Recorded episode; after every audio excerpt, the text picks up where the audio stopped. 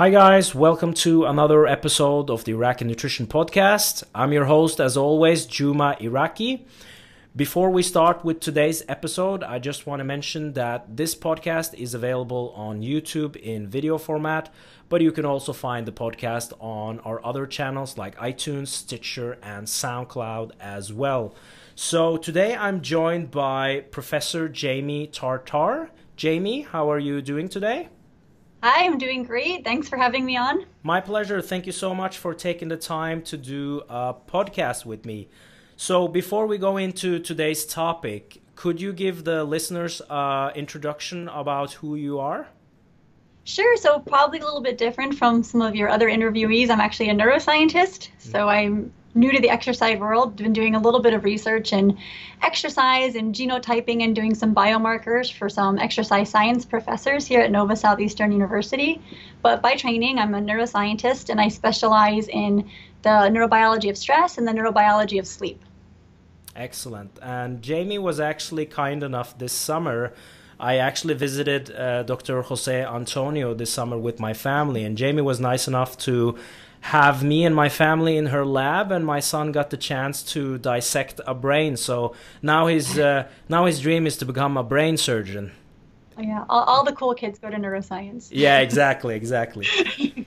so today's topic is uh, cortisol. So I know this is a topic that you know a lot about. So mm-hmm. let's start off by telling the audience what cortisol actually is. Right. And so, as we were discussing earlier, I sort of feel like my job is to defend cortisol sometimes. As a stress researcher, I'm used to thinking of cortisol, and most people think of cortisol as a stress hormone, that it's something bad for the body. But the reality is, cortisol, just like every other hormone, everything that's part of the endocrine system, and everything that's naturally part of the body, has really important and critical functions in the body. So even though we think of it as a stress hormone, it's vital to homeostasis, vital to energy use. It's involved in gluconeogenesis. It's involved in metabolism. The most important thing that cortisol does, one of the most important things that cortisol does, is it reins in inflammation in the body. Like most steroids, their job is to keep inflammation under control. So when we think about cortisol as a bad thing, we kind of want to keep in mind oh, wait, sometimes if I do have a little bit of an inflammation on my skin, I might put hydrocortisone on that to sort of rein in that inflammation. And that's basically what cortisol does for you as well. So it's it does a lot of helpful things, and most importantly, it keeps that immune system in check, keeps autoimmunity, autoimmune problems in check. Excellent. I think one of the reasons why it might have a bad rep, and this was something that we discussed before uh, we want on uh, today is uh, the drug prednisone, which a lot mm-hmm. of people use when they have, for example, um, inflammatory diseases like inflammatory mm-hmm. bowel disease and stuff like that. And you often see a very negative effect on on body composition for one uh, mm-hmm. for uh, for one thing, but also a couple of other things. But what would you say the difference is between the the, the uh, cortisone that you have in your body compared to the, the thing that you get from the drugs? And really, what the difference is is biologically relevant levels. So your body, especially um, with the cortisol system, you have a system in your body called the HPA axis that stands for hypothalamus pituitary adrenal axis. So the release of cortisol starts in the brain with a chemical release from the hypothalamus and then another chemical from the pituitary, which tells cortisol to be released. But there's negative feedback. So once those levels get to a certain point, it shuts itself off. And that's called the HPA axis. So the HPA axis ne- regulates itself through negative feedback. Just like if your air conditioning gets too cold or your heater gets too hot, it shuts itself off. Mm-hmm. And so the levels of cortisol are kept within very strict limits in your body. They're higher in the morning, there's a circadian rhythm, and a little bit lower at night, but the levels are regulated homeostatically. When you're taking a steroid drug for inflammation for some type of autoimmune disease, the levels that you're taking them are high and they're continuously high. And so that's where you get into some of those issues where steroids over time, when you're taking them as medicine, they can cause you to gain weight, which is much different from the cortisol that's naturally in your body cortisol that's naturally in your body actually helps with metabolism and fat. Excellent. Now, is there any diseases that relate is related to having chronically high uh, cortisol uh, cortisol levels? Um, there is. There's one disease called Cushing's disease where too much cortisol can be released. So um, sometimes, if that happens, you will get into trouble with weight gain. You will start to gain fat, especially fat around the midsection and, and in the face are the two major places where that happens. But with Cushing's disease, the levels are not at a biologically naturally high level. So this is a disease process where the adrenal glands are just producing too much cortisol. Okay. Is there any reason why uh, the body um, stores more of the fat in the face and in the abdominal area when you have that disease? Yeah, it's the uh, it's the fat cells in those areas bind cortisol a little bit better, and so fat cells and around them, like the, sort of the spare tire type mm-hmm. fatty tissue is much more sensitive to cortisol than yeah. other tissue in the body. Yeah, and usually you get like when you have this massive fat accumulation in your face, I think you call it for a moon face, isn't that correct? Moon face. That's yeah. exactly right. Yeah. Yeah. So what are treatments when you have uh, Cushing disease? So Cushing's so for example, if it's caused by a tumor, you would you would treat the tumor if it's caused by so it depends on what's actually causing the disease, but something in the body is causing too much cortisol to be released. But if it's a tumor, the, obviously the answer is to remove the remove the tumor. Okay, excellent. Now, if you were to measure uh, cortisol, do you measure that in blood or do you measure that in saliva, or what, what type of ways do you actually measure cortisol in the body? We can can measure it in anything. we can measure it in the air. so the to the historically uh, probably accurate way of measuring it is uh, just through blood. Mm-hmm. But we actually prefer to use saliva in my lab. Mm-hmm. It turns out that young people that we were testing, a lot of them now have never had a blood draw. Mm-hmm. Because now, I guess when little kids go to the doctors, they just do a little finger prick. And so what was happening was people in our control group were getting, we were having really high cortisol levels in group that we didn't stress. And it turned out that they were having a stress response to the blood draw itself. And so now we take it in saliva, and cortisol measured in saliva correlates at extraordinarily high rate, 98% correlation with blood. Mm-hmm. So, and it's actually better for us because we don't get non-specific reactions to taking it. Most people are okay with spitting in a tube. Exactly. It's almost like the same thing that happens when I don't know what they call it in Eng- in English, but um, if I were to translate it from Norwegian, you call it the white coat uh, coat, white syndrome, coat syndrome, syndrome. Yeah, when you measure the the blood pressure, it's it's mm-hmm. artificially higher because you're actually stressed over that it might be high, or you're stressed because of the procedure. So similar yeah, thing yeah. you're seeing with measuring uh, cortisol as well. Measuring it from blood because they're they're in, they have anticipatory stress about the needle. Okay. So is it any any times where it more it's more appropriate to to measure this because I think there's some uh, variations in the the cortisol levels during the the day. Yep. So during the day, so there's a circadian rhythm to cortisol. So you, when you wake up in the morning, you have something called the cortisol awakening response, and you want that. So you want cortisol levels high in the morning because it's really hard to wake up. mm-hmm. and it's really hard to get going during the day. And if you increase cortisol a little bit, you're going to have a little bit more energy. And so cortisol in the morning is really great. High cortisol levels help us get moving, they help us start our day. And then as the day goes on, those cortisol levels get lower and lower, and they're sort of at their nadir levels or lowest levels in the evening. And that's kind of the, for us, that's the best time to stress somebody. In the morning, it's a hard time to stress somebody because their cortisol levels are already high. Mm-hmm. We want to mess with them at night when their cortisol levels are low. Mm-hmm.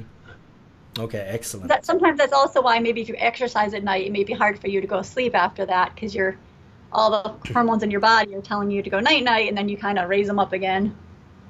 Yeah, exactly. Um, I'm I'm um, I noticed that a lot of the um, judo competitors that I work with usually have mm-hmm. a hard time sleeping, and they usually have their second training session uh, at night. So mm-hmm. that's been a bit a bit of a headache for a lot of them because they really struggle yeah. with. Uh, it's really difficult to just go straight to bed after that hard intense session that they have in the evening. So we mentioned some of the, the, the functions of um, cortisol in the body. Could we just repeat some of them again that you mentioned? Yeah, so it helps with um, gluconeogenesis is one of the major functions of cortisol, aiding in metabolism, aiding, aiding in fat just helping with energy in general. Um, and, and again, the major role being reining in the immune system, reining in inflammation. Cortisol has receptors for a lot of the immune cells that are in your body and vice versa. And that's really, there's sort of a bidirectional communication from the periphery, from the peripheral immune system to the brain through through the vagus nerve, and cortisol plays a large role in that. So we we think of cortisol usually as doing a remarkable job. When the problem occurs is when cortisol levels kind of get dysregulated, and that's where the problems with cortisol come in. The problems with cortisol come in usually with psychopathology when somebody's depressed and those levels are chronically elevated.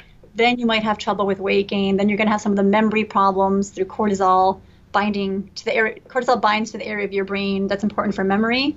That's the area that shuts it off. And so when there's too much cortisol in that area, you could actually have memory problems. But for most people walking around during the day, unless you're having a lot of problems with st- like chronic stress, cortisol is doing what it does just fine. Leave it alone. Don't mess with it. Don't take anti-cortisol medications.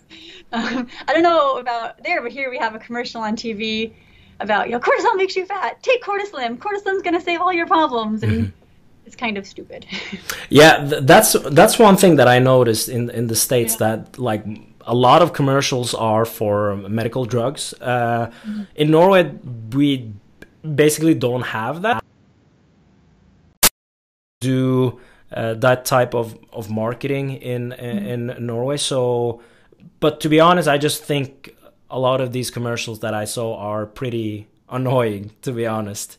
And yeah, it's like it's it seems like it's very very um, pushy. Like they're trying to pu- push a lot of medications on on people as well. Yeah, and especially that that's just a waste of your money because unless you have a disease process, your cortisol levels are just fine. Yeah, exactly. and it sort of gets into the issue with um, with the exerciser uh, and, and personal trainers and this, this, sort of false idea that if you do aerobic exercise you'll increase your cortisol levels and then if you increase those cortisol levels you'll get fat and that's it's a misunderstanding of the role of cortisol so as we said earlier at a pathologically high level cortisol can cause some problems with weight gain but if you're running 30 minutes, running an hour during a regular exercise routine, certainly cortisol levels will go up because that is a stress to your body. But there's nothing harmful about that. They're going to go right back down, right? The negative feedback is going to kick in and it's going to shut it off. And the cortisol that's being um, released during the exercise is actually helping you, right? It's helping you with energy during that event. So this sort of idea of don't do aerobic exercise, you'll get fat is is nonsense.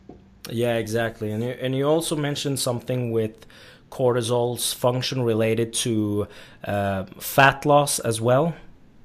Yeah, and so yeah, so cortisol help aids in the metabolism of fat. It's part of its job. It, it's it's it does a little bit of everything. You know, he's like that guy in the company that's just going to go in and, and do everybody's job for them. He's a li- critical hormone in your body.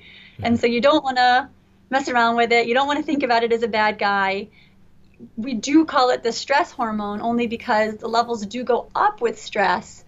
But cortisol levels, even though they do go up with stress, that increase is to help you, to help to aid in the stress, whatever that stress is. You know, it helps to release energy through your body. Um, it, it's only helpful, and then it will turn off after that. The problems with cortisol, again, come with chronic stress. So people who are just nonstop, especially chronic psychological stress, is mm-hmm. really where problems come in. Cortisol is not as sensitive to physical stress. Epinephrine is a little bit more sensitive to physical stress. So when you're running, it'll be more of a physical stress. Cortisol is uniquely sensitive to all those ruminations that we have, all the horrible things we tell ourselves, the psychological stressors in our lives. Yeah, exactly. Now, um, how when your uh, fight or flight mechanisms kick mm-hmm. in, uh, how does like what happens in that sort of situation with the cortisol levels? During a fight or flight response, so you so it's really so. Say we were in the room right now and like you know, bear jumps into the room, right? Mm-hmm. We have to we have to survive the bear, so we got to make a decision. Either we're going to take the bear out or we're going to run. It depends on how much, you know, I haven't seen your muscles. Maybe you've got big biceps. I don't know. so if, no matter what we do, we need to survive that encounter. And with a stress response, one of my very favorite uh, scientists, Robert Sapolsky, he likes to describe this type of stress response as your body is surviving the next five minutes at the expense of the next five years, right? So with a stress response, everything's going to go into it. Everything's going to do everything it can to keep you alive. The first thing that's going to happen is you're going to release epinephrine. So both epinephrine and cortisol are released from the adrenal glands. Epinephrine um, is released from an area of your brain called the locus coeruleus, and it's pretty quick. So that epinephrine release happens straight away before you even realize that there's a bear in the room. Epinephrine is going to go through the roof. Mm-hmm. And that's causes and epinephrine is really the fight or flight response. That's going to cause your heart rate to increase, your pupils to dilate, blood's going to be shunted to your arms and your legs so we can run faster or fight better. Perception's going to change. You're going to kind of lose your peripheral vision to survive that encounter. And then cortisol is a little bit lazier. so cortisol only reaches its peak, you know, 10 minutes at the earliest after the onset of a stressor. So he's coming in a little bit later in the game, um, but it'll do the same thing. It'll help with energy use. It's going to help to um, one of the big roles that it's going to help to do is prepare that prepare you for the likelihood that you're going to get injured. You're going to get an acute up, up uh, uptick in sort of that innate immune system because the odds are, if that's happening to you, if you're that stressed, your evolution has ensured that you're probably going to get hurt, and so you better be ready to deal with that. Uh, and then the other thing that cortisol does is kind of really funny things in the brain where it changes your, and epinephrine too, changes your perception of the event. And that's why when we're in a really stressful situation, things start to look different. Our perception of the world sort of changes at that moment. Sometimes time seems to slow down. The way you remember that event is different. So when you had a stressful event, you never forget it. It's, that's like the cortisol, right? Cortisol has ensured you're going to remember that so it doesn't happen again. Does that make sense? Yeah, absolutely, absolutely. Now, uh, I know I need to get in some questions for the the bros on this channel because it's basically a channel where people are uh, very interested in how things affect their muscles and their body compositions. So, one of the things that you sometimes hear is that uh, chronically high cortisol levels might have a negative effect on testosterone. Is there any yeah. truth to that? I mean, it, it could, but that's the difference that we're talking about is, and, and that's the key, is chronically high. Mm-hmm. And most people just don't have chronically high cortisol levels. It's too important of a hormone for it not to be tightly regulated. Um, so if, I mean, if you have chronically high levels of cortisol, you have a lot of other problems too uh, that you need to worry about. But, you know, testosterone is also released from the adrenal glands. It's released primarily from the gonads, but you can also release it from the adrenal glands as well.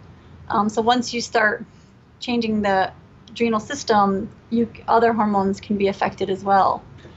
Um, so, but it's almost it's almost like you, you like an uh, inverted U, where you want you want you don't want none. You want to hit that sweet spot, and most of us are there, and then you don't want to go too high either. But unless you're taking prednisone or you're really have major depressive disorder or something, most everyday people just don't need to worry about it. Yeah, exactly. I think I think it's the same thing when you look at um, a lot of people will say that when you exercise, you have sometimes an increase in testosterone, but the increase mm-hmm. that you sometimes see in testosterone is is very short. Like you'll see yes. a little bump and then it goes back. So there's data showing now that it basically don't have any effect at all that with the small variations that you have from from from doing uh, resistance training. Uh, mm-hmm. but to say that testosterone doesn't have an effect on muscle growth is is is not true. But these small changes that you see probably aren't doing um, a lot of things, and I think maybe it's the similar thing with cortisol that Mm-hmm. stressing too much about these small fluctuations that you might see during some events is probably not going to cause a, a negative effect, yeah. and it's actually positive that it's happening. But if you have it chronically elevated, that's when you start to run into trouble. Right, and I and I think for testosterone and cortisol, you can almost think of it the way you would think of as body temperature. You know, your body does a really good job at keeping you within a certain limit, temperature-wise. You don't want to be too cold, you don't want to be too hot, when you work out, your body temperature goes up. Mm-hmm. So somebody can misinterpret that as high body temperature is bad. I shouldn't work out because it's making my temperature go up. Yeah. But nobody nobody thinks that, but they think the same thing about testosterone and cortisol. Yeah. You know, I'm, I'm in the business of trying to move hormones, and even when we put people in a lab, it's they're I mean they're homostatically regulated, and it's it's actually really hard to get people to change these levels. Like we tried to get testosterone to change by giving men com- competitions with each other, by resistance training. We try to increase cortisol through stress, but the reality is we have to test a lot of people to get a statistically significant change because it's it's it these hormones are hard to move. they like to be where they are. Yeah, exactly. Exactly. So, let's talk about uh, things that can we, we've already mentioned some of them but, but let's talk about things that can increase your cortisol levels and things again that can decrease your cortisol levels. Mm-hmm. so cl- clinically speaking there is a disease called addison's disease that could cause pathologically low levels of cortisol and so you're going to have all the expected problems with immune system with energy. Cortisol levels naturally don't really go down. Um, the the system that starts in, in the hypothalamus, that chemical is called CRH, and it's released in pulses. That's very tightly regulated as well. So the initial governor of cortisol is released in specific pulses throughout the hour. So cortisol levels don't necessarily go down naturally. If you're stressed and they go up, certainly you can cause you can try to do some deep breathing and things like that to cause cortisol levels to come back down faster. The other thing that can cause, that we didn't talk about, that can cause a lot of problems with cortisol is when you start to have issues with your sleep. Um, because cortisol and many other hormones are dependent on a circadian rhythm. When you get what we call circadian misalignment through having problems with sleep and not going to bed and waking up at the same time, then all these hormones get thrown off. And when they're high, they're supposed to be high, they may not be high, and you kind of may have more of a flattened circadian rhythm. So instead, I guess instead of worrying about cortisol levels being high when you're exercising, you should really worry about like not getting enough sleep, and that'll really mess up cortisol. Yeah, not only cortisol, but I think it also messes up your testosterone levels. If you chronically oh, yeah. uh, uh, undersleep over time, you will start to notice that there's some things that starts to happen that maybe isn't as.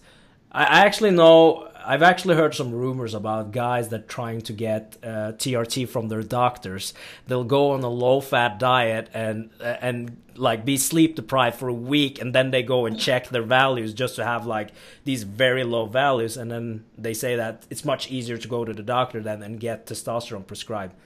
So just to show how how uh, how that is dedication. That is, yeah yeah exactly that's dedication when you when you when you um, like I think maybe the worst thing is being deprived of sleep. Like you can go you can go a fair amount of time without eating, without drinking, but there's like nothing more painful than actually going fair amount of time without sleep. Uh, I I actually remember I I served one year in the Norwegian army, and we had. Um, we had it's called Hell Week in Norway, where you actually don't you don't eat, uh, you can drink fluids. But the worst part was the, the lack of sleep. So we had four days without sleep. And mm-hmm. the funny thing is that I started to fall asleep while I was walking. So I had mm-hmm. all this equipment on, but I was like walking and falling on falling asleep while I was standing. It was just like all the time right. falling asleep, waking up, falling asleep and waking up. It was like brutal. And I remember when we came back, finished the the exercise drill, I think I slept for like 20 hours straight or something like that. Best sleep I have ever had in my whole life. But that was that was the worst thing that I've ever experienced. Going four days yeah. without no sleep at all. That's great. Yeah, you you think you slept the sleep of the innocent after that. Yeah, exactly, exactly. yeah, you, you'll actually die if you keep not sleeping. It will kill you. You know, there's a there's actually a prion disease that where people can't their brains can't go to sleep and it's fatal. Yeah, mm. I think uh, funny you mentioned that because I was reading actually a research research study today because I was looking into a couple of things with with sleep, and they had these. I don't know if we, if it would be approved today to do such a study, but they had these animal studies with rats.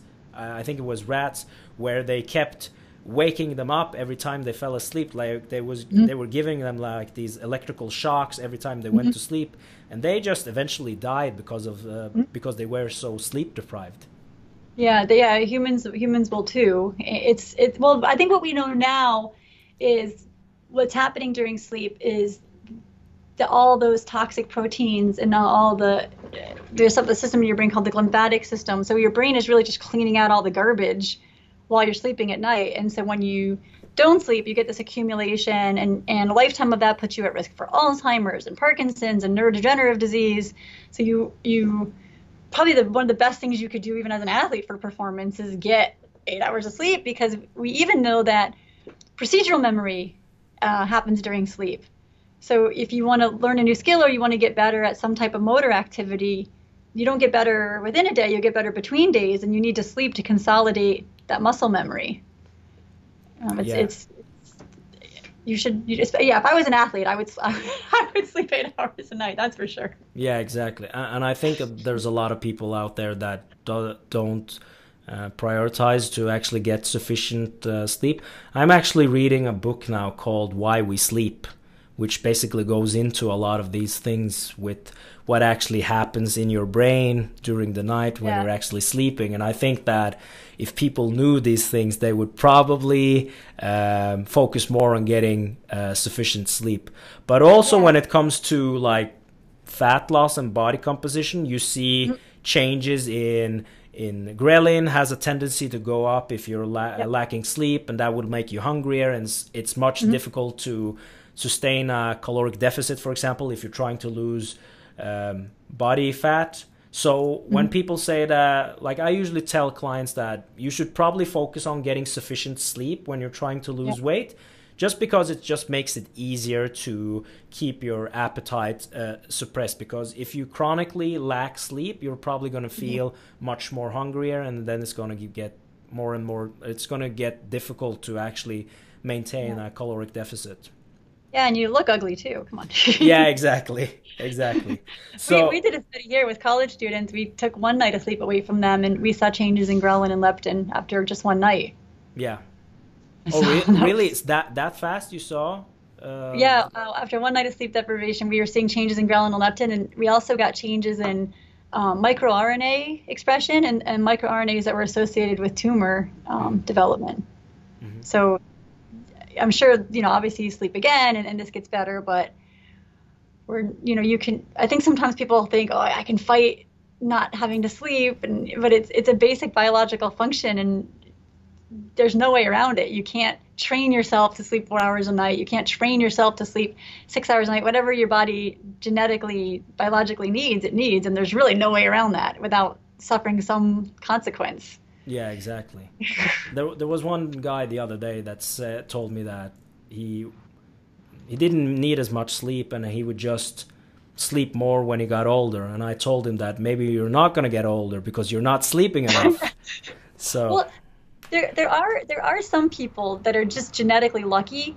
There are some people who are called super short sleepers, where biologically they, they only need like six hours of sleep but it's extremely rare. It's like someone who's six foot six. You know, they're out there, but they're really, really rare. Mm-hmm. And most people say that they only need six hours of sleep, but when you actually test them, they, they're garbage without sleep. Yeah. Know? But it's just like being drunk. Like if I'm drunk, not that I ever am, if I ever were to be, mm-hmm. you're not really good at assessing your own state, right? So when people are sleep deprived, they act stupid. They have a lot of emotional dysregulation issues, but they don't know it. They think they're fine. Yeah, exactly. All right, let's uh, talk a bit more about the effect cortisol can have on on body composition because that is basically what I know a lot of people are are mm-hmm. interested mm-hmm. in. And we've talked a little bit about uh, fat loss, but what effect does it actually have on on maintaining muscle or muscle growth? Yeah, I mean the the, the I guess it, it's the same sort of take-home message that at biologically norm, normal levels, the ben, the cor- cortisol is only beneficial. On fat, on muscle, on bones, everything that it's doing in your body naturally is doing to help you. So at naturally high levels, there's nothing that cortisol does that's hurting your muscles, that's hurting your bones, that's hurting your weight. All helpful until you start to get dysregulation um, through you know sleep changes or dysregulation through some kind of disease process or taking medication. But rest assured that mean, really, millions of years of evolution have decided for you, right, that cortisol at that level is perfect for your body. It's perfect for humans. We should just don't need to do anything. We just lay back and enjoy it. Yeah, exactly. Now, uh, other things to work out. yeah, yeah, yeah. And I think if you worry more about it, you will probably increase it uh, even right. even more so. But like, ah, no, I'm fat because I worried about cortisol too much. yeah, exactly. But um, let's say you have like bodybuilders or fitness competitors, they usually get to like super low levels of, of body fat, and that's usually far away from what their um, homeostasis is. Would they yeah. experience maybe higher cortisol levels when they're at that level of body fat and then maybe risk losing more muscle mass?